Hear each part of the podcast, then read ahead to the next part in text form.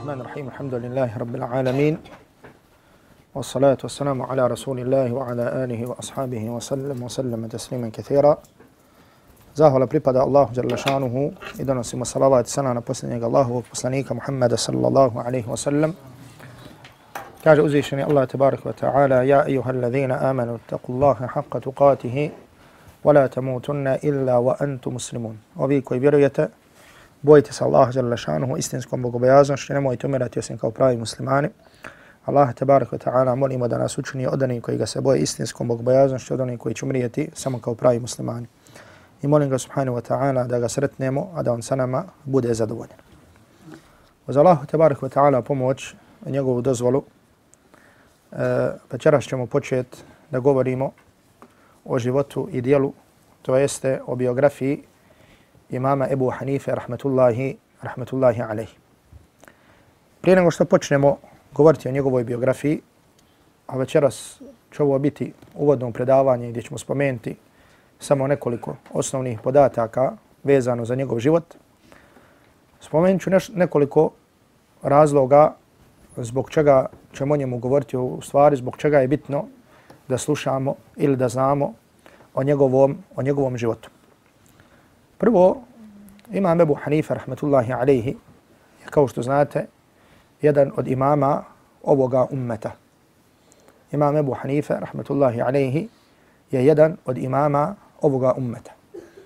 I imam Ebu Hanife nije, da tako kažemo, obični učenjak koji se pojavio u jednom vremenu, nego je od najvećih učenjaka ovoga ummeta kroz istoriju.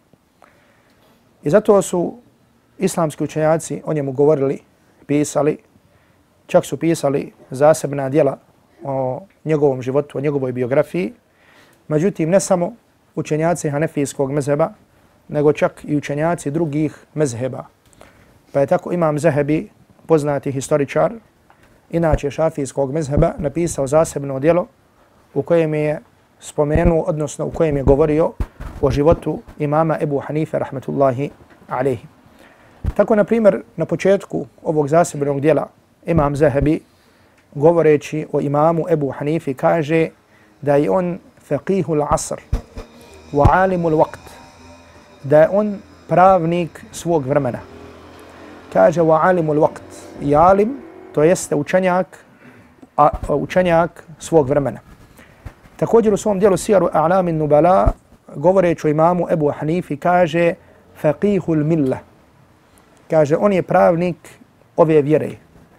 Ne naziva ga i ne kaže da je pravnik uh, određene grupacije ili određene skupine niti određenog mezheba, nego kaže da on faqihul milla, pravnik ove vjere, to jeste pravnik, pravnik islama. Šehhul Islam ibn Taymiyyah, rahmetullahi alaihi, na mnogim mjestima u svojim dijelima i u svojim fetvama spominje imama Ebu Hanifu, rahmatullahi alaihi, i također njegove učenike, kao što ćemo njima govoriti, Ebu Jusufa, Muhammed ibn Hasana, Šeibani i drugi, Međutim, spomenut ću samo jedan citat gdje šehhul Islam ibn Taymiyyah govoreći o imamima ovog ummeta kaže وَأَمَّا الصَّحَابَةُ وَالتَّابِعُونَ وَأَئِمَّةُ الْإِسْلَامِ الْمَعْرُوفُونَ بِالْإِمَامَةِ فِي الدِّينِ Kaže, a što se tiče ashaba i tabiina, znači tabiini su generacija koje dolaze posle ashaba, i kaže imama ovog ummeta koji su poznati po svom imametu, znači koji su poznati po svojoj učenosti. U ovom ummetu, kaže kao što ima Malik, imam Sauri, i zatim spomene i kaže kao što imam Ebu Hanife i imam Ebu Jusuf, to jeste njegov učenik, i kaže ostali učenjaci, ostali učenjaci ahli sunnata, ostali učenjaci ehli sunnata wal džamata. Zatim druga stvar jeste većina islamskog ummeta, većina islamskog svijeta, kada je u pitanju fik, odnosno da kažemo propisi halala i harama, slijede mezheb imama Ebu Hanife. Znači, ako bi gledali geografski i po broju, znači većina muslimana u svijetu slijede mezheb imama Ebu Hanife. Znači, više sledbenika u ummetu ima eh, koji slijede imam, eh, imama Ebu Hanifu, nego što, na primjer, slijede imama Šafiju ili imama Malika ili imama Ahmeda i tako dalje.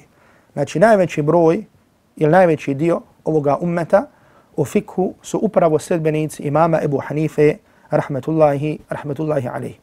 I zato ako Bog da, eh, kada budemo govorili o hanefijskom mezhebu i o nastanku mezheba i o dijelima, znači vidjet ćete koliko je uzvišeni Allah tabaraka wa ta'ala dao, da se tako izrazim, da se izučavaju mišljenja, e, da se izučavaju, da kažem prije svega, mišljenja imama ovoga ummeta. Znači da se njihova mišljenja, da su prihvaćena i da se izučavaju. Znači zato pogledajte, na primjer, koliko ljudi izučavaju, jeli sad kažemo ovdje, mišljenje Ebu Hanife, imama Malika i Šafije i Ahmeda i drugih naravno, naravno učenjaka. Pa su učenjaci govorili, od tog imama se prenose dva rivajeta, dvije predaje, ili se prenose tri rivajeta, ispravni ovo mišljenje, ispravni ovo mišljenje i tako dalje. I zato pogledajte, na primjer, ako u ovom slučaju posmatramo samo imama Ebu Hanifu, znači znamo koliko je napisano dijela unutar mezheba, jeli, unutar hanefijskog mezheba, u kojima se govori u stvari, u kojima se pojašnjava, znači mišljenje imama Ebu Hanife, rahmetullahi, rahmetullahi alih. Hoću vam spomenuti samo na primjer, kao primjer da vidite, znači samo jedno dijelo koje je od ključnih dijela unutar mezheba, to je dijelo Kenzu Daqaiq od imama Nesafija, znači na samo to jedno, da tako kažem, izrazim se, ne, e, možda e, nije od edeba, međutim da kažem obično dijelo. Inače, Kenzu Daqaiq spada u četiri osnovna dijela, znači četiri osnovna metna unutar hanefijskog mezeba. Na samo ovo dijelo Kenzu Daqaik napisano je preko 113 ili 114 komentara. Znači samo na jedno, na jedno dijelo. Znači dijelo koje isključivo spomenje mišljenja, mišljenja imama Ebu Hanife rahmetullahi alih. I ovo dijelo, znači ako je tako da kažemo kratko, međutim veoma je sažeto, i učenjaci kažu da u tom dijelu, znači on je metn, znači osnovno dijelo iz fika koji se izučava, Znači ono kažu direktno ili indirektno ukaziva i govori, odnosno upućuje na 40.000 mesela. Znači u njemu su spomenute, znači direktno, opet kažem ili indirektno, kao se to kaže bil mefhum ili bil mantuk, je spomenuto 40.000 mesela. E, naprimjer, isto tako imate u Hanbelijskom mezhebu, Zadul Mustaqne, učenjaci kažu da to djelo, znači to je osnovno djelo, kratko djelo, međutim, direktno ili indirektno, je u njemu sadržano 30.000 mesela. Međutim, od dijela koji su možda najteži, a kratki su, je iz malikijskog mezheba poznato dijelo Muhtasar Khalil. Znači, to je kratko dijelo. Međutim, svaka riječ ima svoje mjesto i kažu da sadrži stotinu hiljada mesela. Znači, to, to dijelo Muhtasar Khalil, znači sadrži stotinu, stotinu hiljada, stotinu hiljada mesela. Zatim sljedeći, sljedeća sva, sljedeći razlog jeste što uh, sljedbenici, uh, da kažemo ili da kažemo stanovnici ovih, ovog dijela, znači ne samo Bosne, nego Balkana, općenito, znači od dolaska Islama na ove prostore, pa do danas su sljedbenici isključivo mezheba imama Ebu Hanife, rahmetullahi, rahmetullahi alaihi. Uh, I znači u islamskom svijetu znači imamo, Eh, da kažemo, dijelove islamskog svijeta gdje se isključivo slijedi jedan mezheb. Na primjer, kao što ćete vidjeti, znači u dijelovima takozvanog Magriba ili zapadnog dijela Islama, kao što je Maroko, kao što je Alžir i tako dalje, znači gdje ljudi isključivo su sljedbenici kojeg? Znači isključivo sljedbenici malikijskog, malikijskog mezheba. Isključivo sljedbenici malikijskog mezheba. Ili, na primjer, velike dijelove islamskog svijeta gdje su, čenja, gdje su ljudi, eh, gdje su stanovnici isključivo sljedbenici hanefijskog mezheba. Međutim, naćete dijelova islamskog svijeta gdje ljudi, znači gdje u jednom mjestu, znači ima znači sledbenika jednog i drugog mezheba kao što su kao što je na primjer Egipat, znači imate i Malikija i Šafija i Hanefija, ili na primjer kao što je Damask, Sirija, gdje imate i Hanefija i Šafija, ili na primjer također kao što su Mekka, kao što su Mekka, Medina i tako dalje. Međutim, na ovim prostorima su ljudi isključivo slijedili samo mezheb imama Ebu Hanife, rahmetullahi, rahmetullahi alih. Inače, da ovdje samo ukažem, znači da čovjek, musliman, e, e, da, odnosno, da se ponosi ili da govori o svojim precima, e, o svojim djedovima i svojim precima koji su bili na istini, koji su bili na islamu, znači da to nije pogrdna stvar ni u kom slučaju. Znači čak šta više, znači to je stvar koja je pohvalna. Znači da čovjek govori o svojim precima koji su bili na istini, koji su bili na islamu, koji su se trudili da prenesu islam, da prošire islam i tako dalje. Znači poznavanje tih stvari, znači ni u kom slučaju nije tako da kažemo pogrdni nacionalizam ili nazovite kako, kako god hoćete, nego je znači da kažemo pohvalna stvar da čovjek zna o svojim predsima. I zato isto ga, znači možemo samo ukratko kazati, znači koliko je bitno znači izučavanje istorije muslimana, jel ovdje sad kažem muslimana, bošnjaka, ovih, ovih prostora. Zatim sljedeća stvar radi koje ćemo nešto govoriti kada je u pitanju imam Ebu Hanifa rahmetullahi alaihi, jeste zato što znači, postoje grupe ili grupacije koje e, na neki način e, znači, pogrdno govore ili predstavljaju ili da kažem ili govore o mezhebu ili znači pogrešno predstavljaju predstavljaju mezheb. Tako e, na primjer postoje dvije krajnosti, znači postoji krajnost tako da kažem koja e, bez ikakve stvari za razne stvari optuživa hanefijski mezheb, znači da je mezheb koji nema dokaza, da je mezheb koji nema validne dokaze, da je ovakav mezheb, da je onakav mezheb i tako dalje. Znači to ni u kom slučaju, znači nije od prakse, znači da nije od prakse selefa. I zato pogledajte učenjake, odnosno imame umeta kao što je šehhul islam bim tajmije, pa pogledajte na koji način, znači govore o imamu Ebu Hanifi, rahmetullahi alaihi, o Abu Yusuf, o Muhammed ibn Hasanu Šejbaniju, i pogledajte na koji način, znači to o tome, znači govore neki ljudi u savremenom, savremenom dobu.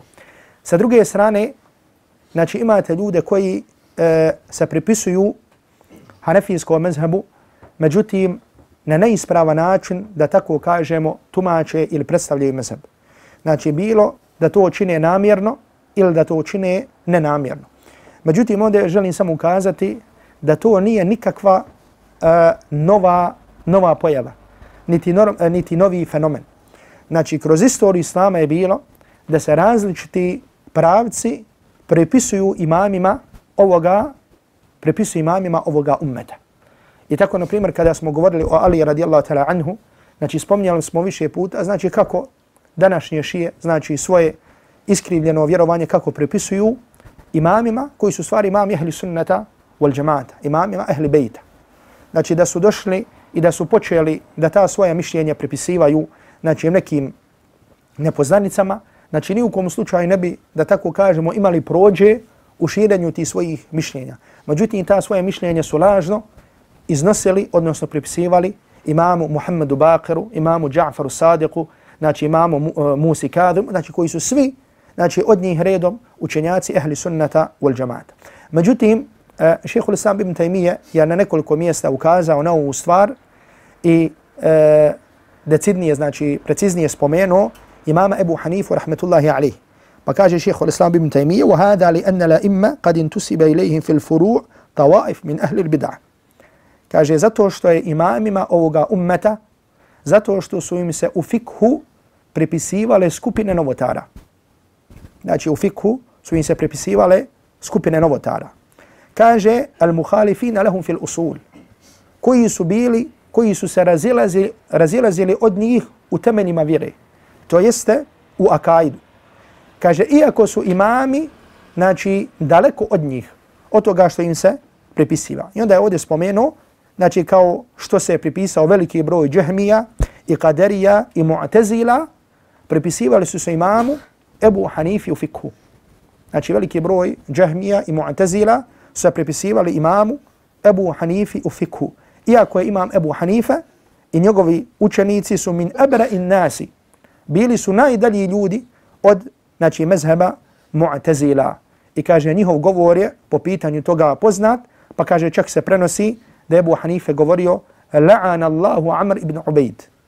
Da imam Ebu Hanife govorio Allah prokleo Amr ibn Ubejda. Amr ibn Ubejd je bio jedan od velikih Mu'tazila. Znači bio je od velikih, znači bio je zahid, pobožnjak, međutim bio je kaderija mu'tazila. I prenosi se od imama Ebu Hanife, rahmetullahi alaihi, da ga je, da ga je proklinjao. I zato znači, naičete, znači da je bilo, znači mu'tazila, znači da su govorili da su fikhu, znači mezheba koga? Mezheba imama Ebu Hanife. Međutim, kakve veze imam Ebu Hanife ima, kakve veze imam Ebu Hanife ima sa njima. Tako da nije ni čudo ni danas da se ljudi, znači koji su sljedbenici strasti, ili novotari koji slijede svoje strasti, da kažu mi slijedimo mezheb imama Ebu Hanife ili čak da kažu mi slijedimo mezheb imama Šafi ili mezheb imama Ahmeda i tako dalje. I zato mezheb imama Ebu Hanife, rahmatullahi alaihi, uh, ovaj uvod ću završiti riječima i kazati, ni u kom slučaju nije nikakva enigma. Znači, nije ni u kom slučaju nikakva nepoznanica. Znači, mišljenja Ebu Hanifa, rahmetullahi alaihi, svejedno akaidska ili fikska mišljenja su prisutna. Znači, naravno, E, normalno, na arapskom, na arapskom jeziku, i kogod želi da upozna mezab imama Ebu Hanife, njegova mišljenja, ono što se prenosi od njega, što se prenosi od njegovih učenika, da upozna njihove dokaze, znači to je olakšano svakome onome koji poznaje, koji poznaje arapski jezik. I zatim jedna stvar koja je bitna, uh, koja je bitna danas svakom uh, mladiću, ili da kažem koji se vraća, koji se vratio Allahu te tabarik ta'ala vjeri da poznaje, uh, jeste da mi živimo, odnosno svi vidimo i znamo, svjesni smo da živimo u vremenu kada ljudi, razne osobe iz raznih, uh, odnosno da kažemo raznih profila, uzimaju za svoje uzore, da ne kažem za svoje idole. I zato, na primjer, nije čudna nikakva stvar da priđete nekom djetetu ili da kažem da priđete nekom mladiću i kažeš, kažeš mu, na primjer, navedi mi toliko i toliko, na primjer, igrača koji igraju u tom i tom klubu ili u toj i toj prestaciji i možda će ti znati da nabroji sva ta imena. Međutim, da mu kažeš, spomeni mi toliko imena ashaba Allahovog poslanika sallallahu alaihi wa sallam, neće znati. Ili možda čak i neki ne znaju znači šta je to ashab, šta je to tabi'in i tako dalje. Međutim, ono na čemu treba da se gradi znači, e, jedno ispravno, zdravo islamsko društvo, ovdje prije svega znači, upućujem ovaj govor očevima znači, i onima koji su staratelji u svojim kućama, znači da su oni odgovorni za svoju djecu i šta njihova djeca znaju, odnosno šta ne znaju. Znači, ako vidiš da ti dijete zna nabrojati toliko i toliko igrača, međutim ne zna nabrojati isto toliko, a ovdje opet paradoks da kažem isto toliko, znači da ne zna nabrojati toliko ili toliko imena ashaba Allahovog poslanika alaihi salatu wasalam, onda znaj da je problem u tebi, a ni u kom slučaju da je problem u djetetu. Znači problem je u tebi i onome šta ti nudiš svom djetetu, odnosno šta mu dopuštaš ili šta tvoje dijete, šta tvoje dijete uči. I nema sumnje znači da su učenjaci, znači kao što imam Ebu Hanife, rahmetullahi alaihi, znači sigurno da kažemo e, sljedeća kategorija, znači ili prva kategorija koja dolazi poslije ashaba Allahovog poslanika sallallahu alaihi wa sallam, gdje je potrebno, gdje je potrebno da znamo, gdje je potrebno da znamo o njihovim, je potrebno da znamo o njihovim životima. Znači normalno ovdje sada kada ovo govorim, koliko se god trudio da vam što kvalitetnije iznesem podatke historijske ili činjenice ili kazivanje i tako dalje, znači ni u kom slučaju ne mislim da vi bukvalno te stvari tako znate. Međutim, kao što često imam običaj da kažem, jeste znači da znaš, ako ništa, na primjer, uh, uh, u jednom periodu od pola sata ili 15 minuta ili 20 minuta da pišeš, odnosno da govoriš o ovom ili onom učenjaku i da znaš osnovne stvari koje su vezane, koje su vezane za njegov život. Mohamed, ostavi telefon, izbačite zdrsa. Koga vidim da, da je s telefonom, izbaću ga zdrsa. Ugasite, ugasite. Kada u pitanju, uh, kad su pitanju osnovni biografski podaci imama Ebu Hanife, rahmetullahi alaihi, njegovo pravo ime je kako? Nu'man ibn Sabit. Znači, Nu'man ibn Sabit, to je njegovo, znači, puno, puno ime. Odnosno, da kažemo ime, ime, njegovog oca. Znači, ovo Ebu Hanife, inače da znate, znači, to je e, nešto u arapskom jeziku što se zove kunije znači nešto što se zove kunije, a to je da čovjek, za, za čovjeka da kažemo da je Ebu. I zato u većini slučajeva kada čujete Ebu, znači to nije pravo ime. Ebu Hanife, Ebu Bekr, Ebu Abdallah, Ebu Ismail, Ebu Ishaq, Ebu Hasan, znači ne. Nego to znači u većini slučajeva da mu se dijete, da mu se najstarije dijete tako, da mu se najstarije dijete tako zove. I to je bio običaj Arapa. Znači to oni nazivaju kunje. Uh, wa kunjen eta wasman wa laqaba wa akhiran dha in siwahu sahiba. Znači ko što se, znači posle znači ti naziva kunje ism i laqab. Znači u arapskom uh, jeziku. Znači kunje ono što počinje sa ebu ili sa ummu znači to je kunije. zato znači za Ebu Hanife to je nadimak Ebu Ebu Hanife međutim pravo ime mu je Nu'man ibn Thabit Nu'man ibn Thabit znači njegov otac se zvao kako znači zvao se Thabit pravo ime mu je Nu'man dobro Historičari se razilaze po pitanju imena njegovog djeda. Neki kažu da mu se djed isto tako zvao Nu'man. Neki kažu da mu se djed zvao kako? Da mu se djed zvao Nu'man. Dok neki kažu da se zvao Zuta, znači na oblik Musa, da mu se zvao, da mu se zvao Zuta. Međutim, učenjaci kažu da je Sabit, odnosno da je njegov otac rođen u islamu. Da je rođen kao musliman.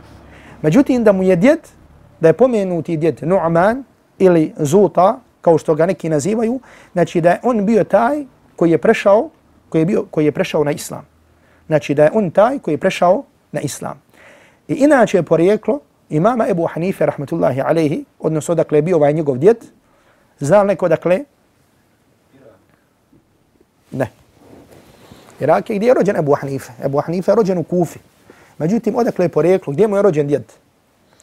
Znači, djed mu je znači, rođen u današnjem Afganistanu ili tačnije Kabulu i znači perzijskog je porijekla. Ebu Hanife, rahmetullahi alaihi, u osnovi nije Arab, nego je šta? Perzijanac.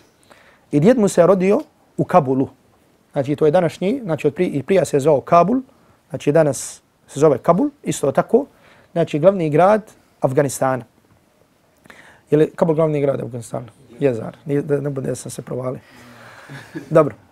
E, Perzijanac iz područja današnjeg Afganistana, također Kabuleki spominju da mu je djed prihvatio islam ili, odnosno, tačnije razilaze se, neki kažu, to ću spomenuti kasnije, da je e, bio zarobljen, da je postao rob u vremenu osvajanja, osvajanja današnjeg Afganistana. Znači, kažu da je to bilo u vremenu Omera radijallahu, u vremenu Omera radijallahu ta'ala, u vremenu Omera radijallahu ta'ala anhu. I zato, brate, pažnju ovdje, želim spomenuti jednu stvar iz koje ćemo inšala naučiti nešto, a iz istorije čovjek puno uči. Znači, istoričari se razilaze da li su predsi imama Ebu Hanife, rahmatullahi alaihi, da li su bili, odnosno da li je njegov djed tačnije bio rob ili nije bio rob. Vi znate da su prije bili, jel tako, robovi. I prije kada bi se zauzelo, znači kada bi se osvojilo, znači e, određeni dijelovi, znači bilo je ljudi koji su pali, ljudi koji su pali u robstvo. Pa tako, jedan broj historičara, kao što ću spomenuti, predaju, kažu da gdje spominju riječi unuka imama Ebu Hanife Ismaila ibn Hammada, ili Ebu Hanife svom djetetu dao ime Hammad po svom šehu, kao što ćemo kasnije vidjeti. Gdje spominje Hatib al-Baghdadi predaju da kaže ma mesana rikun qat. Kaže nikada nas nije znači dotaknulo robstvo. Nego znači njegov djed je prihvatio islam i posle toga su se rađali u islamu bez da su bilo robovi. Međutim, jedan broj učenjaka kaže da ga je, da tako kažemo, dotaklo robstvo. To se tako kaže, mesa huriq. To jeste dotaklo neko od njegovih predaka je bio rob. Pa se kaže da je bio rob plemenu Benu Tejmullah bin Tha'lebe. I zato neki u biografiji mama Ebu Hanife kažu Tejmi. Da je bio Tejmi. Međutim, šta to znači? Znači, ljudi su se pripisivali onima koji su ih oslobodili. I zato za veliki broj uh, učenjaka se kaže, kaže, bio je ta i taj maulahum. Obratite pažnju. To jeste, znači, njegovi preci su bili robovi u tom plemenu, pa je to pleme oslobodilo. I zato, na primjer, ste li čuli za imama Buhariju da se kaže da je bio Džu'fi, da je njegovo ime Džu'fi. Znači, Džu'fi je pleme koje je oslobodilo njegove pretke. Znači, preci imama Buharije, znači tog velikog muhaddisa su bili šta? Su bili robovi. Znači, neko je od njih pao, neko je od njih pao u robstvo. Međutim, pogledajte sada ovo. Subhanallah, Islam je vjera znači koja uzdiže ljude, ljudi se uzdižu sa islamom i ponižavaju se sa islamom. Znači da li prihvate ili odbiju islam. I zato Allahu poslanik sallallahu alaihi wa sallam kaže Inna Allaha yarfa'u bi hadha al-kitabi aqwaman wa yada'u bihi akharin. Allah dželle šanu će sa ovom knjigom uzdignut jedan, jedan narod, a sa drugim će poniziti, poniziti neki narod. I zato imate kroz istoriju Islama, sad ovdje o tome ne mogu da govorim, nego samo pravim jednu digresiju, odnosno izlazim malo iz teme. Znači, toliko imate velikana u svim naukama, svim naukama, obratite pažnju, koji su ne arapskog porijekla i koje je dotaklo robstvo, u stvari da je neko od njegovih predaka bio rob. Pođite, na primjer, u kirajitima. Znači, mi učimo po Kur'an, znači način na koji učimo Kur'an je, je rivajt koji? Rivajt Hafsa. Dobro. Znači, imam ravija je Hafsa, kako imam? Imam je Asim, je li tako? Imam Šatibi kada, u svoj Šatibi, u Harzun Amani, kada govori o sedmorici ima, o sedmorici imama kiraeta, znate šta kaže? Kaže, Abu Amrihim wal Jahsabi ibn Amirin, sarihun, wa baqihim ahata bihil wala. Kaže, od njih sedam, Samo Ebu, Ebu Amr, Al-Basri ibn Amir, Dimashqi, Ebu Amr ibn Amir su bili slobodni. Znači, niko od predaka im nije bio rob. Svi drugi, to jeste petorica, od drugih imama kirajeta, su bili robovi. To jeste, ne oni direktno, nego neko od njihovi, njihovih predaka je bio, bio rob. Što u većini slučajeva naravno ukazuje da su bili ne arapskog, da su bili ne arapskog porijekla. Isto tako ako uzmete jezik arapski, na primjer najveći, jedan od najvećih imama arapskog jezika, imam Sibe Vojih, nije bio arapskog porijekla. Isto tako da govorimo o znači, učenjacima hadisa. Znači imam Buhari, znači gdje je danas Buhara? Znači nije arapsko područje. Znači pogledajte isto tako većina muhaddisa, kutubu sitte. Znači muslim je Budavud su arapskog porijekla. Znači imam Tirmizi nije arapskog porijekla. Imam Nesai nije arapskog porijekla. Znači nisu arapskog porijekla. Međutim, pogledajte kako je uzvišeni Allah tabarek wa ta'ala uzdigao. I zato je toliko učenjaka kroz istoriju, znači ovdje želim samo da kažem, bilo ne arapskog porijekla. Znači nisu bile kurejšije, nisu bili ugledna ova plemena. Međutim, uzvišeni Allah tabarak wa ta'ala je uzdigao iznad kurejšija i drugih radi čega? Radi njihovog sticanja zdanja. Radi njihovog sticanja zdanja. I zato pogledajte, danas ljudi uče odnosno izučavaju sahih imama Buhari, imam Buhari nije bio uopšte Arab. Znači, većina danas ummeta slijedi mezeb imama Abu Hanife koji uopšte nije bio, šta? Uopšte nije bio Arab. I zato uzvišeni Allah tabarak wa ta'ala, onaj koji se okrene njegovoj vjeri, znači istina, Allahu poslanika alaihi salatu wasalam je bio Arab, Kur'an je objavljen na arapskom, arapski jezik ima svoju važnost, svoju bitnost, plemen Kurejš ima svoje mjesto u islamu, međutim uzvišeni Allah tabarak wa ta'ala uzdiže onoga koga on hoće. A od uzroka uzdizanja jeste kad se neko vrati njegov vjeri, kada je neko vjeri, kada neko se okrene da stiče o znanju o vjeri, uzvišeni Allah tabarak wa ta'ala ga učini uglednim, pa makar znači da nema neko tako da kažemo, da nema neko jako, da nema neko jako porijeklo. Imam Ebu Hanife, rahmetullahi alaihi, je rođen koje je i pos, znači predaja, znači spomnija Hatib al-Baghdadi, Debu Hanife, odnosno da je njegov djed, odnosno spominju historičari da je njegov uh, djed Zuta bio iz Kabula, kaže da je Zuta bio rob plemenu Benu Taymullah bin Tha'lebe, fa u'atiq. I znači da su ga oni oslobodili. I da je Sabit rođen, odnosno djed od Ebu Hanife, otac od Ebu Hanife, da je rođen, da je rođen u da je rođen u Islam. Imam Ebu Hanife je rođen koje godine? Koje godine rođen po Hidžri? 80. godine po hijđari. Znači zapamtite lanko, 80, 150, 80, 150. Rođen 80. godine po hijđari, umro 100, umro 150. Ispravno da je rođen 80. godine, 80. godine po hijđari. U vremenu halifa Abdul Malika ibn, ibn Marwana. Znači inače Abu Hanifa rahmetullahi alaihi je doživio dvije, dvije velike države ili dvije velike dinastije. Znači Amevijsku i Abasijsku. Znači doživio je Amevijsku i, i Abasijsku. Ono što je zanimljivo, na primjer što se spominje u predajama, jeste da su njegov, e, da je njegov djed i otac da su došli do Alija radijallahu ta'ala anhu. Znači, otac kada je bio, znači, dijete, ili možemo reći beba, i djed, znači, da je došao i da je sreo Aliju radijallahu, da je sreo Aliju radijallahu ta'ala, Aliju radijallahu ta'ala anhu. I zato se spominje, kaže da je Nu'man ibn Marzuban, znači Nu'man ibn Marzuban, znači njegov djed, kaže da je poklonio spominju historičari da je Ali radijallahu ta'ala anhu poklonio faludheđ. Faludheđ je jedna vrsta, da kažemo, slatka, znači poput halve. Ali radijallahu ta'ala anhu u danu Nejruza ili Nauruza, ko što neki kažu. Znači, znate šta, šta je Nauruz ili Nejruz? Znači, to je prvi, prvi dan proljeća. Znači, to je, znači, kod Perzijanaca uh, veliki praznik. Znači prije islama su ga međusije veličali tako dalje.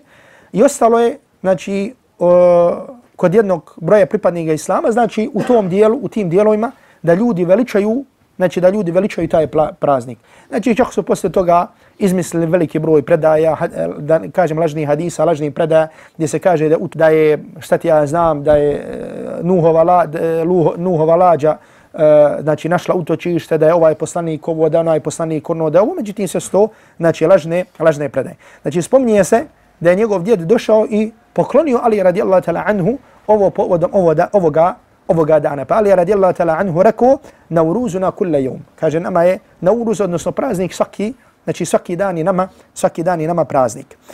Ismail ibn Hamad, uh, e, Khatib al-Baghdadi, u svom dijelu Tarih Bagdad, spominje predaju od Ismail ibn Hammada, znači, inače, uh, kao što ćete vidjeti, jedan od najveći šehova imama Ebu Hanife bio Hammad.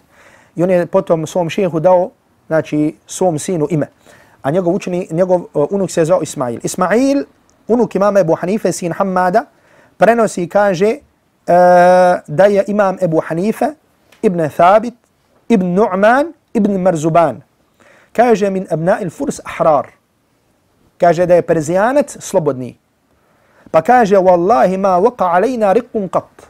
Kaže, tako mi Allaha, nikada nas nije dotaklo robstvo. Kaže, moj djed je rođen 80. godine po hijri. Kaže, wa zahaba thabit ila Ali ibn Abi Talib, wa huwa sagir.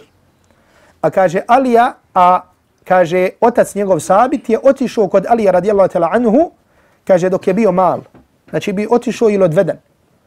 Znači, zato što je Ebu Hanifa koji je rođen 80. godine po hijri, znači da vidimo, pomozite malo, Ebu Hanife rođen 80. godine po hijri. Ali radijallahu ta'ala anhu ubijeni koje 40. godine po hijri. Znači da je 40 godina prije nego što je znači rođen Ebu Hanife, znači njegov otac Sabit bio kod Ali radijallahu ta'ala anhu najmanje. Što znači ukaziva znači da je ga ili donio, znači onaj njegov djet, to jeste njegov otac, znači ko bebu, ili da je došao ko malo dijete, a da je kasno, znači da je kasno dobio Ebu Hanifu rahmetullahi alejhi. Pa kaže unuk Ebu Hanife, govoreći o ovom susretu, znači sabita, jeli radijallahu ta'ala anhu, kaže, feda'a lehu bil baraka fihi. Pa Ali radijallahu ta'ala anhu putio dovu za njega i da Allah šanuhu dadne bereket u njemu i u njegovom potomstvu. Pa Ali radijallahu ta'ala anhu putio dovu za sabita, da Allah šanuhu dadne beričet u njemu i u njegovom potomstvu. Pa kaže, to jeste unuk Ebu Hanife, wa nahnu narđu. I kaže, mi se nadamo od Allaha Đalešanu da smo mi, znači, ta dova koja, na kojoj se odazvalo Ali radijallahu ta'la anhu. To jeste da je Allah Đalešanu dao bereket u potomstvu sabita, pa je došao pa je došao Ebu Hanifa rahmetullahi alejhi i njegovo i njegovo i njegovo potomstvo. Dobro. Uh, ono što ukaziva na odliku i vrijednost Ebu Hanife, rahmetullahi alaihi, da tako kažem odliku na drugim imamima, imamima mezheba, jeste što imam Ebu Hanife, rahmetullahi alaihi, rođen u vremenu ashaba. Znači imam Ebu Hanife, rahmetullahi alaihi, je jedini od imama ummeta, od imama, da kažemo, imama fikha, u stvari čet, četvrci imama, koji je rođen u vremenu ashaba. Ebu Hanife je rođen 80. godine po hijri. I zato ako kažemo u smislu samog viđenja ashaba, znači definitivno možemo reći da je Ebu Hanife rahmetullahi alaihi od tabiina. Znači u kontekstu znači, samog viđenja ashaba, ako se vratimo na tu definiciju, možemo kazati da je Ebu Hanife od tabiina. Međutim, znači spor je kod učenjaka, da li je Ebu Hanife zatekao ashabe u smislu da je prenio od njih. I vidjet ćete da Allah najbolje zna ispravni, da je veliki broj učenjaka na stanovištu, da Ebu Hanife nije prenio od ashaba. Međutim, da li je vidio ashabe, ispravno je da je vidio. I zato imam Zahebi, znači i to je također mišljenje Ibn Hajara, Hatiba Bagdadija i druge kažu da je vidio Enesa radijallahu ta'ala anhu. Znači kažu da je vidio koga? Da je vidio Enesa radijallahu ta'ala anhu. I zato kaže Hafiz Zahebi, kaže fa innahu saha annahu ra'a Enes ibn Malik. I zato je kaže vjerodostojno, preneseno, da ima Ebu Hanifa rahmatullahi alaihi vidio da je vidio Enesa ibn Malika. I ovo je posebna odlika, znači imama Ebu Hanife, rahmetullahi alaihi, zato što je rođen u vremenu ashaba Allahovog poslanika, sallallahu alaihi wa sallam. I zato normalno svi znamo, znači pohvalu, znači tih generacija, znači koji su došli direktno u riječima Allahovog poslanika, sallallahu alaihi, sallallahu alaihi wa sallam, gdje kaže, kao što je došlo u hadisu Bukhari i muslima, od Imran ibn Husayna, da Allahov poslanik sallallahu alaihi wa sallam kazao khayru nasi qarni. Najbolji ljudi ili najbolja generacija su moja generacija, moje vrijeme. Thumma alladhina yalunahum, thumma alladhina yalunhum. A zatim oni koji dolaze, zatim oni koji dolaze. I zato, znači, nema sumnje, znači, da ovo ukaziva, znači, na posebnu odliku, na posebnu odliku imama Ebu Hanife, rahmetullahi alaihi, a to je zato što je vidio, zato što je vidio ashabe Allahovog poslanika, sallallahu alaihi, alaihi wa sallam. Znači, inače Ebu Hanife, rahmetullahi alaihi, njegov otac Sabit je bio trgovac. Tačnije, bio je Hazaz. Znači, njegov otac uh, je bio trgovac, bio Hazaz. Znači, Hazaz je vrsta odjeće koja se je pravila od vune i koja se je prodavala. I njegov otac je trgovao sa tom odjećom i imam Ebu Hanifa, rahmetullahi alaihi, i obratite pažnju na ovo, znači i u toku svog djetinstva i svoje mladosti i također u vremenu kada je bio imam ummeta, se bavio trgovinom.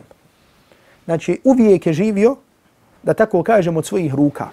I nije, znači, bio tako da kažemo, znači, na, uh, da se tako izrazim sada kažem, na platnom spisku ili na platama, znači, nikoga od vladara ili od drugih ljudi. Naravno, znači, možda ćemo spomenuti, znači, da je naslijedio veliko bogatstvo od svog oca i bio je veoma bogat, znači, čak je izdržavao, znači, svoje učenike, znači, davao u smislu da ih je izdržavao. Međutim, tokom cijelog svog života, Imam Ebu Hanifa, rahmetullahi alaihi, je bio trgovac. Znači, bavio se trgovinom i živio je od znači, svojih, kao što kažemo, ruka. I obratite pažnju, znači, ovo je jedan fenomen koji je prisutan i takako u islamskoj istoriji, znači da su bili veliki imami, da su bili veliki imami ummeta, međutim koji su isto vrijeme bili ili trgovci ili da su bile neke druge zanatlije. Znači, čitav svoj život, pored svog sticanja znanja, su to radili. I to je bio jedan važan i bitan faktor, znači možemo komotno reći sociološki. Zato što je to učinilo da ti imami budu, tako da kažemo, neovisni. I da ni u kom slučaju da bude ikakvog uticaja kada su u pitanju vlasti ili neki drugi faktori, neki drugi faktori na njih.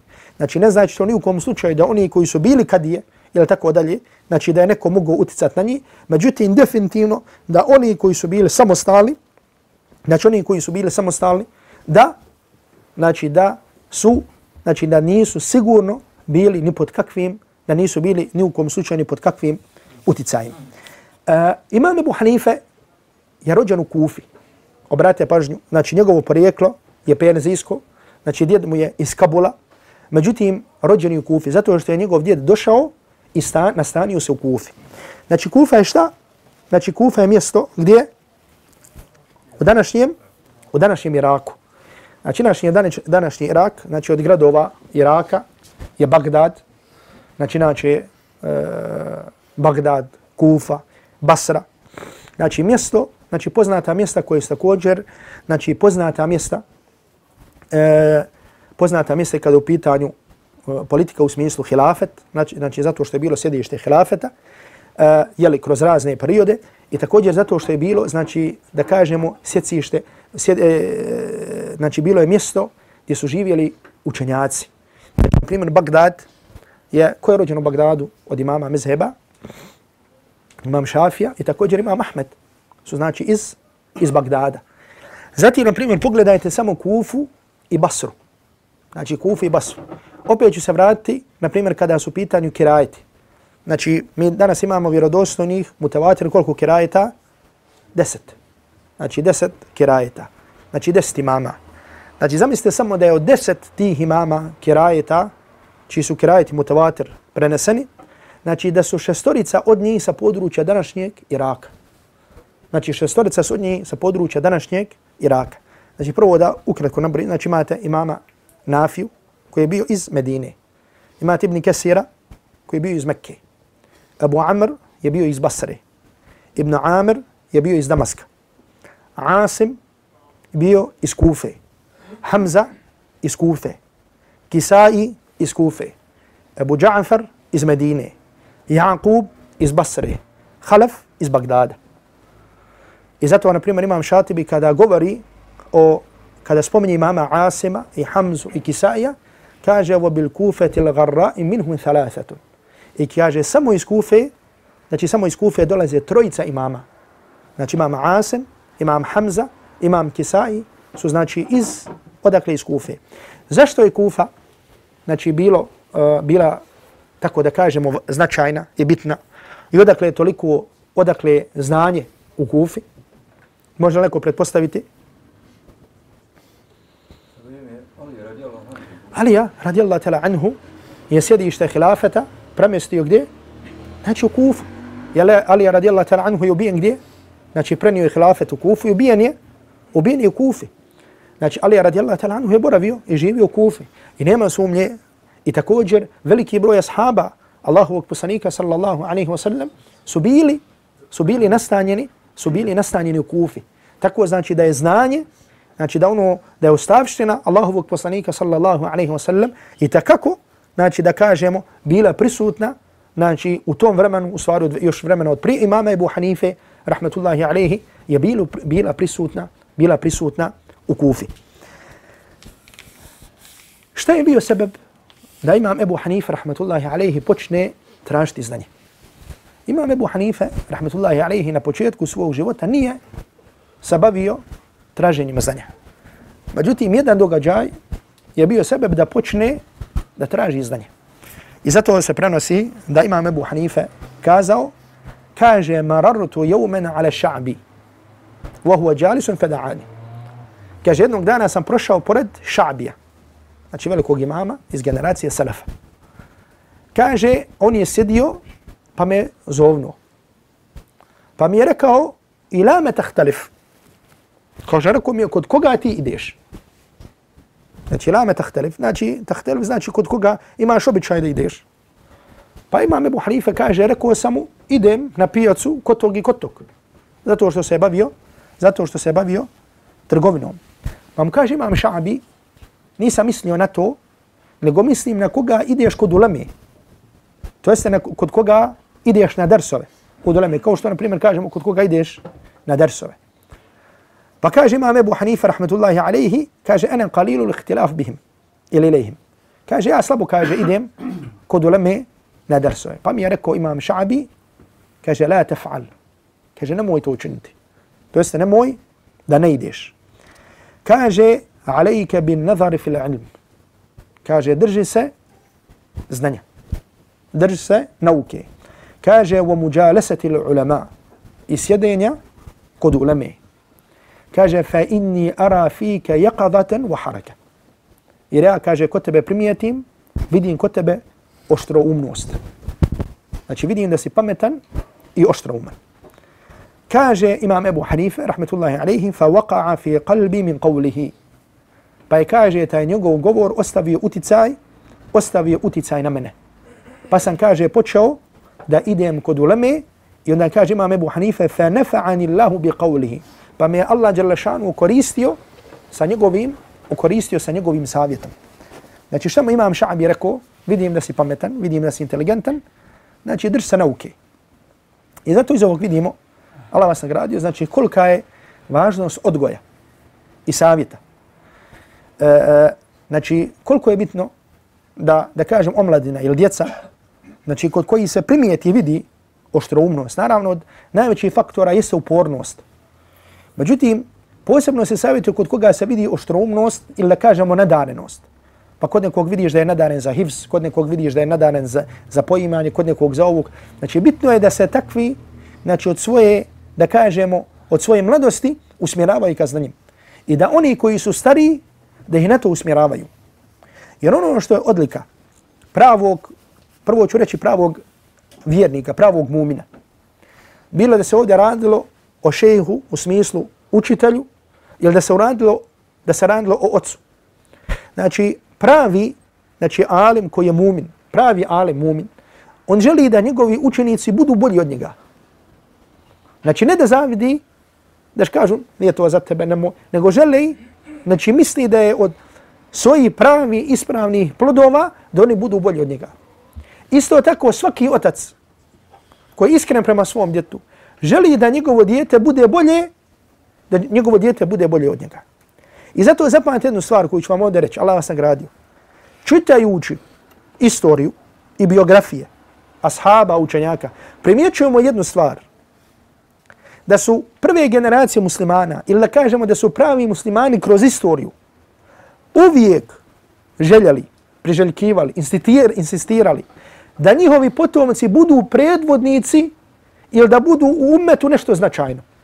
Bilo da budu ulema, ili da budu vojskovođe, ili da budu muđahidi, ili da budu ovo. Međutim, uvijek su željeli da, njihovi djeca, da njihova djeca budu velikani, da tako kažemo. I zato vrate se, znači kada je, kada je jeli, znači rekli smo i djed, i otac Ebu Hanife, rahmetullahi alihi, bili su kod Ali radijallahu ta'ala anhu. Gdje su sigurno tražili da upute dovu za to djete da Allah Đelešanu dadne beričet, da Allah Đelešanu dadne beričet u njemu.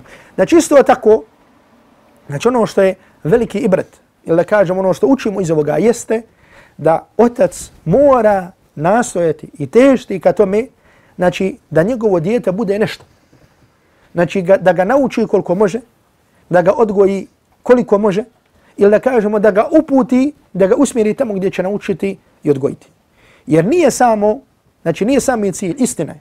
Znači imate u hadisma Allahovog poslanika alaihi salatu wasalam, gdje Allahov poslanika alaihi salatu wasalam podstiče, znači gdje Allahov poslanika alaihi salatu wasalam podstiče na brak. Pa podstiče na brak radi čega? Znači radi potomstva. Jer kaže Allahov poslanika alaihi salatu wasalam, fa inni mukathirum bikum ul umam. Jer ja se ponositi sa vama pred drugim, pred drugim narodima. Međutim, znači, neće se poslanik alaihi salatu wasalam ponositi samim mnoštvom bez tako da kažemo, bez tako da kažemo kvaliteta. I zato Allah tebareku wa ta'ala se obraća ljudima, obraća starateljima, pa kaže, ja ayuhal ladhina amanu, ku anfusakum ahlikum nara. Ovi koji vjerujete, čuvajte sebe i svoje porodice od džahannamske vatre. Znači ovo je kuranski ajet. Nije Allah Đelešanu kazao samo čuvajte sebe od džahannamske vatre. Nego čuvajte šta i sebe i svoju djecu od džahannamske vatre. I zato ne može biti pravi vjernik koji je zadovoljan, znači da su u njegovoj porodici, tako da kažemo, čine takve i takve, da kažemo, stvari. Nego pravi vjernik čuva sebe i svoju porodicu od džahennemske vatre. I zato se prenosi ovom ajetu da je Alija, radijallahu ta'ala anhu, govorio, znači tumačeći ajet, čuvajte sebe i svoje porodice od džahennemske vatre, addibuhum uallimuhum. Odgajajte ih i podučavajte ih. Odgajajte ih i podučavajte ih. I zato znači taj odgoj i to podučavanje, znači to je, znači čija, čija je to, da kažemo, zadaća, znači to je zadaća, zadaća staratelja, Allah vas nagradi. Znači opet ovdje kažem da je odgoj, znači jedan širok pojam. I odgoj, odgoj je vezan, mi sada ovdje kada uh, sjedimo, kada pričamo, kada spominjemo ove događaje, znači šta radimo? Odgajamo se. Znači odgoj je u džamiji, odgoj je gdje se drže drsovi, odgoj u kući, znači prije svega. I zato kroz ova predavanja, znači predavanja, izučavanje biografije učenjaka su od najkorisnijih stvari za čovjekovo srce. To smo više puta govorili. I sam je Abu Hanife, o kojem govorimo, je govorio, kaže, da poznajem biografije ljudi, znači biografije učenjaka, draže mi je od toga da poznajem fik. Znači da poznajem fik, znači draže mi od toga što poznavanje biografija. Znači učenjaka, znači gdje njihova, bio, gdje njihova biografija ostavlja trag, ostavlja trag na čovjekovo srce. Zato što su ovi učenjaci, draga braćo, znači ovi učenjaci nisu bili ljudi koji su bili samo posvećeni nauci. Nego su bili posvećeni nauci i isto tako dijelima, to jeste odgoju.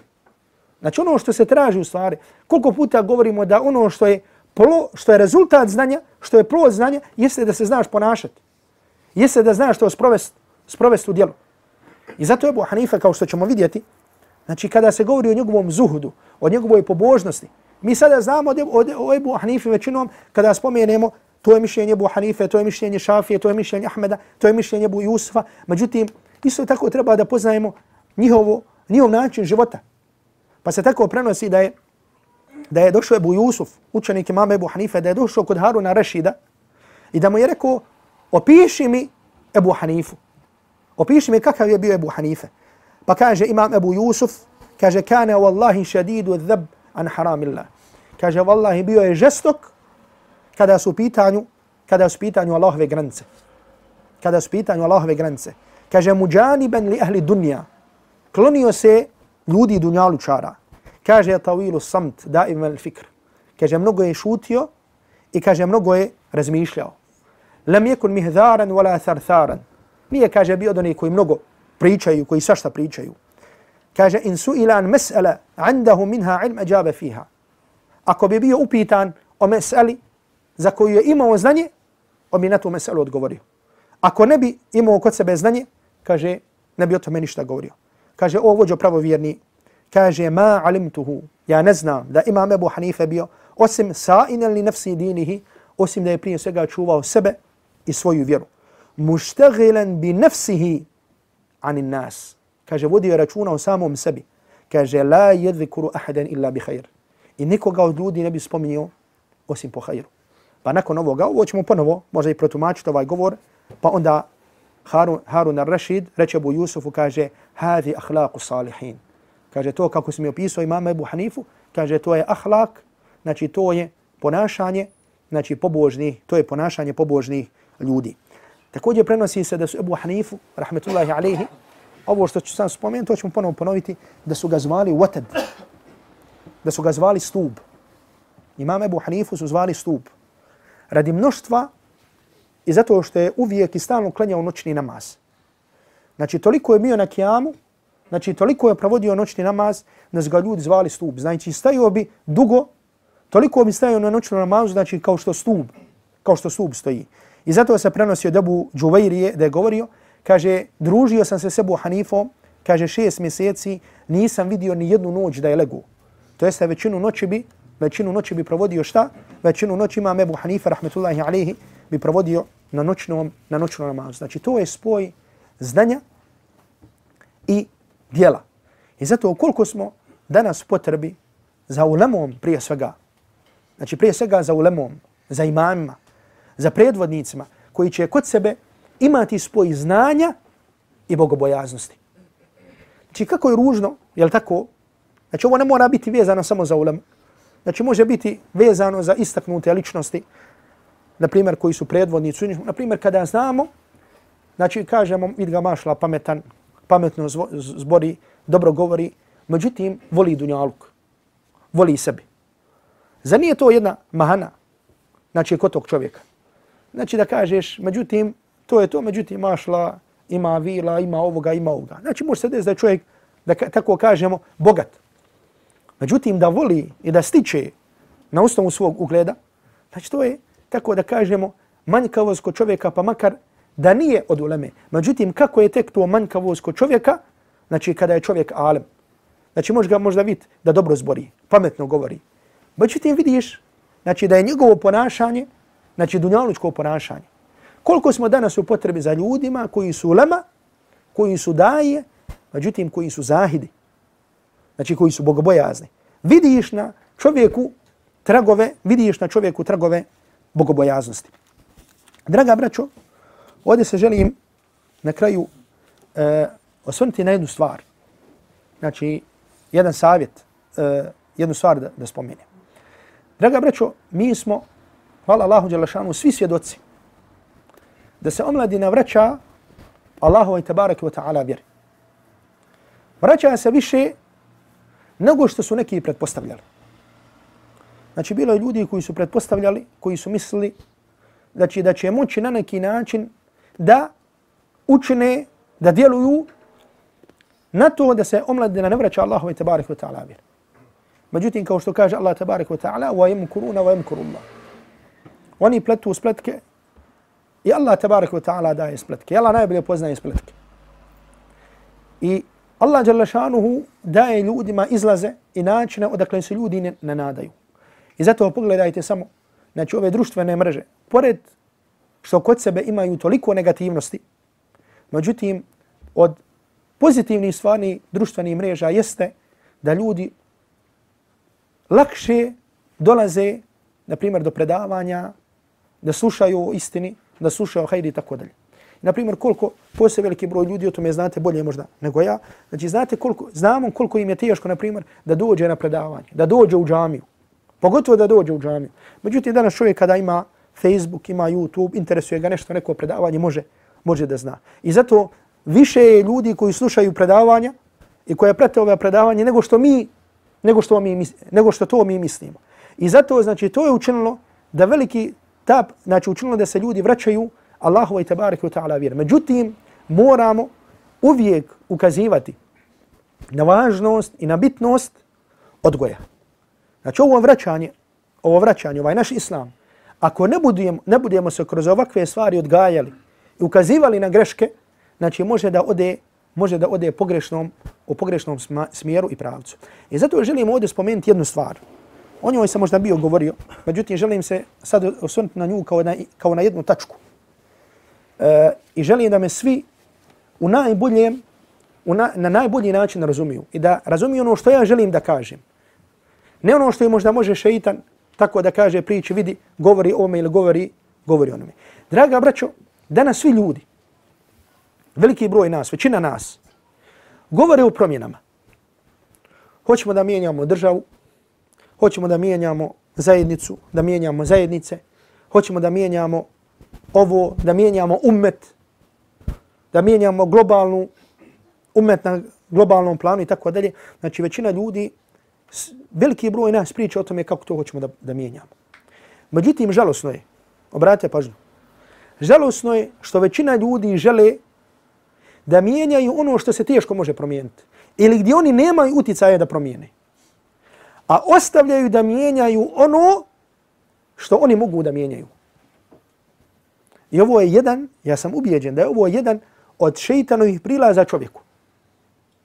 Ovo ni u kom slučaju ne znači da čovjek ne treba da se bavi društvom. I ne želim da me neko pogrešno razumije na, tom, na taj način.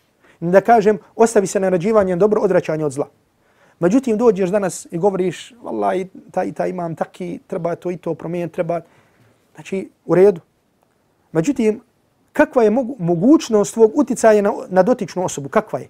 Nije velika. Međutim, svoju čeljad koju imaš, dijete koje odgajaš, koje raste pored tebe od pelena, od stomaka, je puno veća mogućnost da mijenjaš koga? Da mijenjaš njega. Da mijenjaš, zato brate pažnje ovdje, imaju osobe koje su tvojoj vlasti. Znači da kažem tako, da, da kažem tvoja uža familija, znači tvoje žena, tvoje djeca, na neki način ti si im predsjednik. Jer haj, ako ništa razumiješ, ti si im predsjednik mjesnog odbora. Ako nisi predsjednik države. Znači imaš, imaš nekakav utjecaj na njih. Zato imaš ljudi koji su, ti, koji su blizu tebe. Nemaš vlast, ne možemo reći da imaš vlast. Međutim, blizak si njima. Kao što je otac, kao što je majka, kao što je djed, kao što su amidže, kao što su dajđe i tako dalje. Znači, to su ljudi koji su ti, koji su ti bliski. Ti hoćeš da mijenjaš politiku u ovoj ili onoj državi, međutim, ne želiš da mijenjaš svoje najbliže. Draga braću, nemojte na ovakav način da vam šeitan prilazi.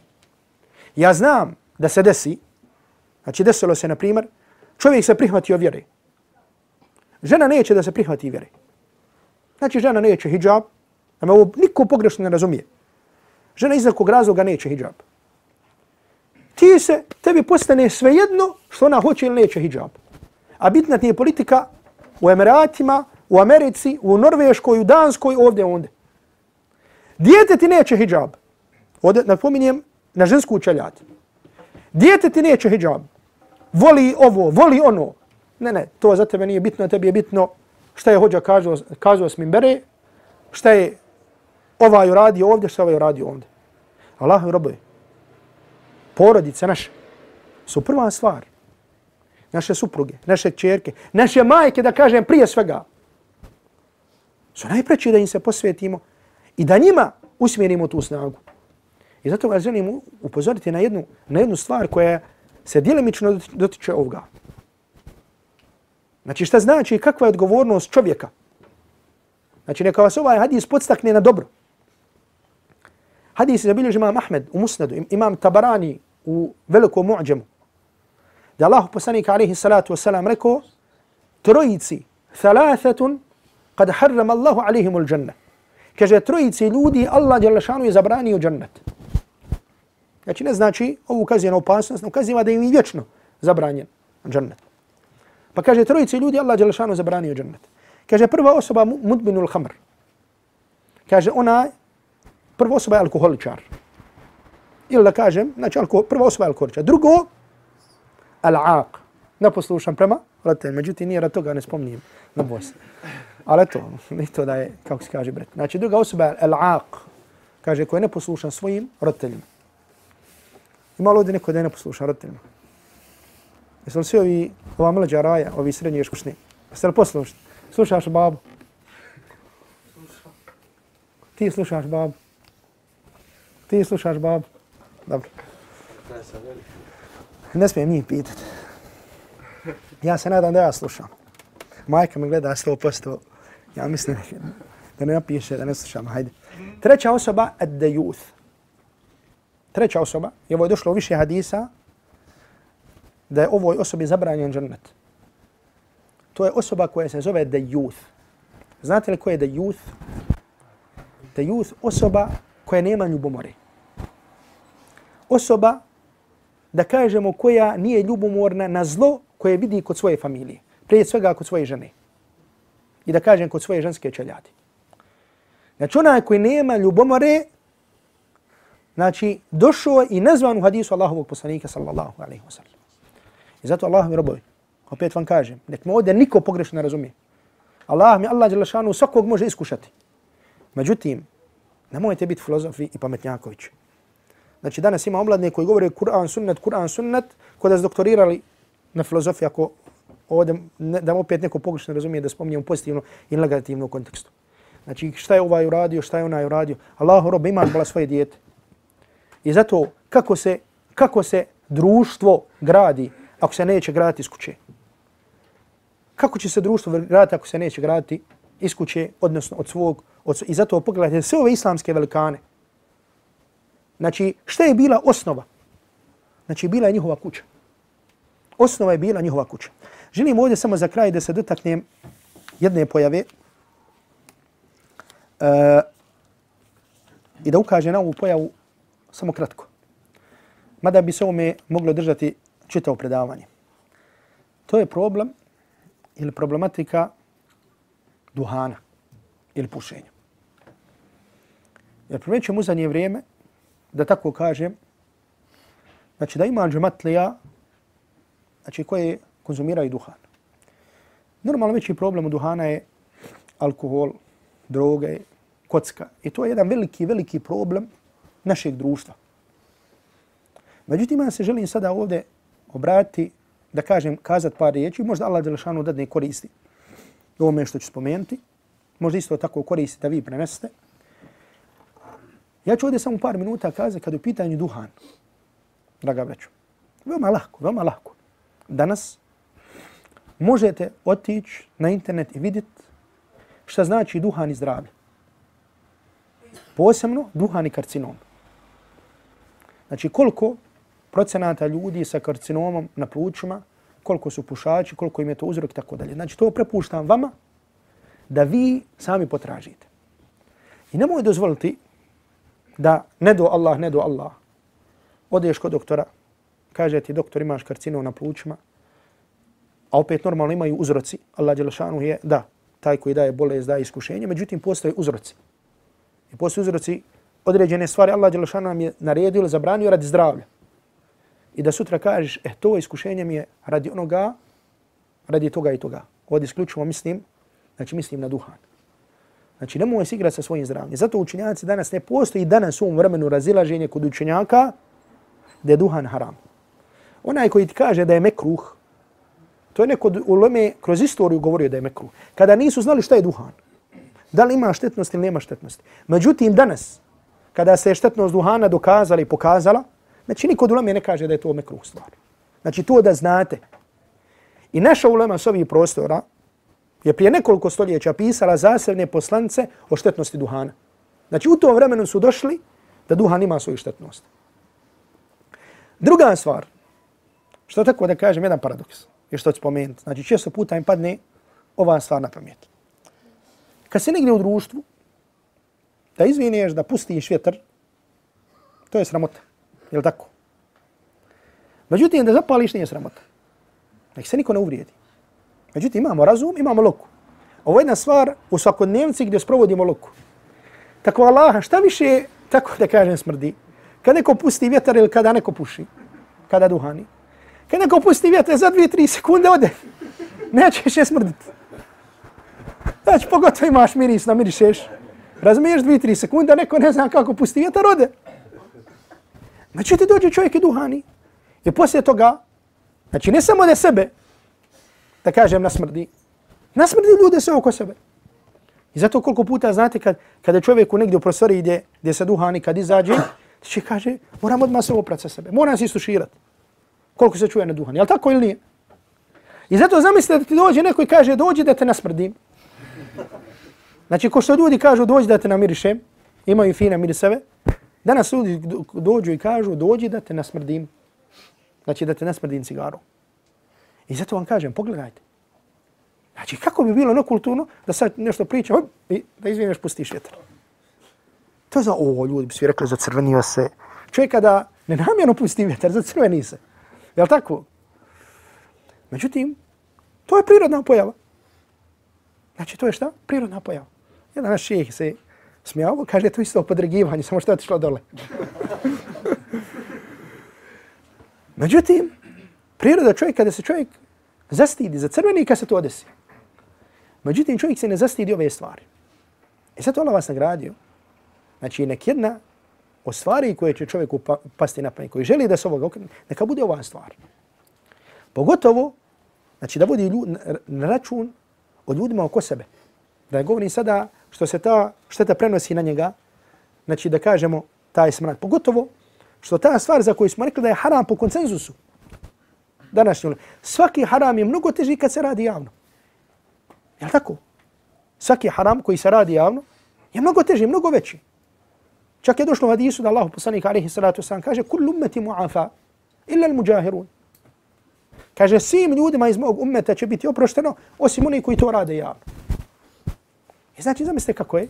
Znači, nije li je prizor vidjeti, da ne kažemo, znači rekli da je zabran definitivno. Čovjek izađe posle džamije ili uče u džamiju ili još ne kažem ako ima bradu, sjedne i zapali. Znači, to su stvari da kažemo zapamtite gore nego da kažemo kada čovjek neko kada čovjek pusti vjetar. Međutim, šta je dokaz? Šta je dokaz Allah vas nagradio da se može kada čovjek hoće? Ovo spominje zato što smo sad izašli iz Ramazana. Prvo zato što ljudi koji, dosta ljudi koji puše, konzumiraju duha, znači kažu u Ramazanu, alhamdulillah, nema problema, nekakvi, izdržim. Znači, kada hoćeš, možeš. E tako isto čovjek. Znači, ako hoće nešto, može to. Može to da učini. I zato vas Allah, Allah vas nagradi. znači spomenuo sam ovu stvar, nadajući se da će Allah Đelšanu koristiti, znači ovo iskren, jedan moj iskren savjet, znači oni koji su iskušani sa tim, a ljudi su iskušani sa različitim, sa različitim stvarima. Međutim, ovdje govorimo o svim ovim stvarima, ne sa ciljem da ukaže, ukazivamo na mahanu, nego sa ciljem da popravimo, znači da popravimo sami sebe. Zato Allah, te ta'ala, molim da popravi, da popravi naše stanje. Prije svega, da nas učini od koji su, koji čine dobročinstvo roditeljima. Reci amin. Prvo mene, da Allah Đelšan učini od njih koji su poslušni roditeljima i da svi u, da svi u nas. Jer ta stvar nije mala. Hvala Allahu Đelšanu, opet kažem, draga braću. Omladina se vraća Allahu i tabarik ta'ala vjer. Omladina spoznaje što je najbitnije, važnost i bitnost namaza. Jer mi znamo, ko nema namaza, nema vjere. Znači, ko nema namaza, nema vjere. Naša omladina, i zato se dešava, znači sada, neki dan tako sjedim, sjedim kolegom, kaže, sad možeš vidjeti ljude koji idu u džamiju, međutim, dosta ima poroka kod sebe. Ima i zato što veliki broj ljudi ulazi u vjeru u smislu da vide važnost namaza. Pa ima čovjek u ovom ili u ovom ili iskušan s ovim s onim, međutim, hoće da uđe u džamiju. Zato, zašto? Zato što je spoznao važnost namaza. I zato Allah robovi, znači, ko nema namaza, nema vjere. Znači, nije, znači, da kažeš ja sam bošnjak, rodio me, djedo mi klanio, djedo mi nije silazio sa posteći, a tebe niđe, niđe. Međutim, hvala Allahu, Đelešanu, ljudi sada uviđaju važnost namaza i važnost džemata i važnost toga da čovjek bude džematlija u džami i tako dalje. Allah te bariko ta'ala molim da nas se smiluje, da nas oprosti. Molim Allah te bariko ta'ala da se smiluje i oprosti našim imamima, da nas okoristi od onoga što spominjemo, od njihovog života i da nas okoristi onoga što ćemo spomenuti iz života našeg imama, velikog imama, imama Ebu Hanife, rahmetullahi alaihi, wa sallallahu ala Muhammedin wa alihi wa sahbihi wa sallam wa sallam tasliman.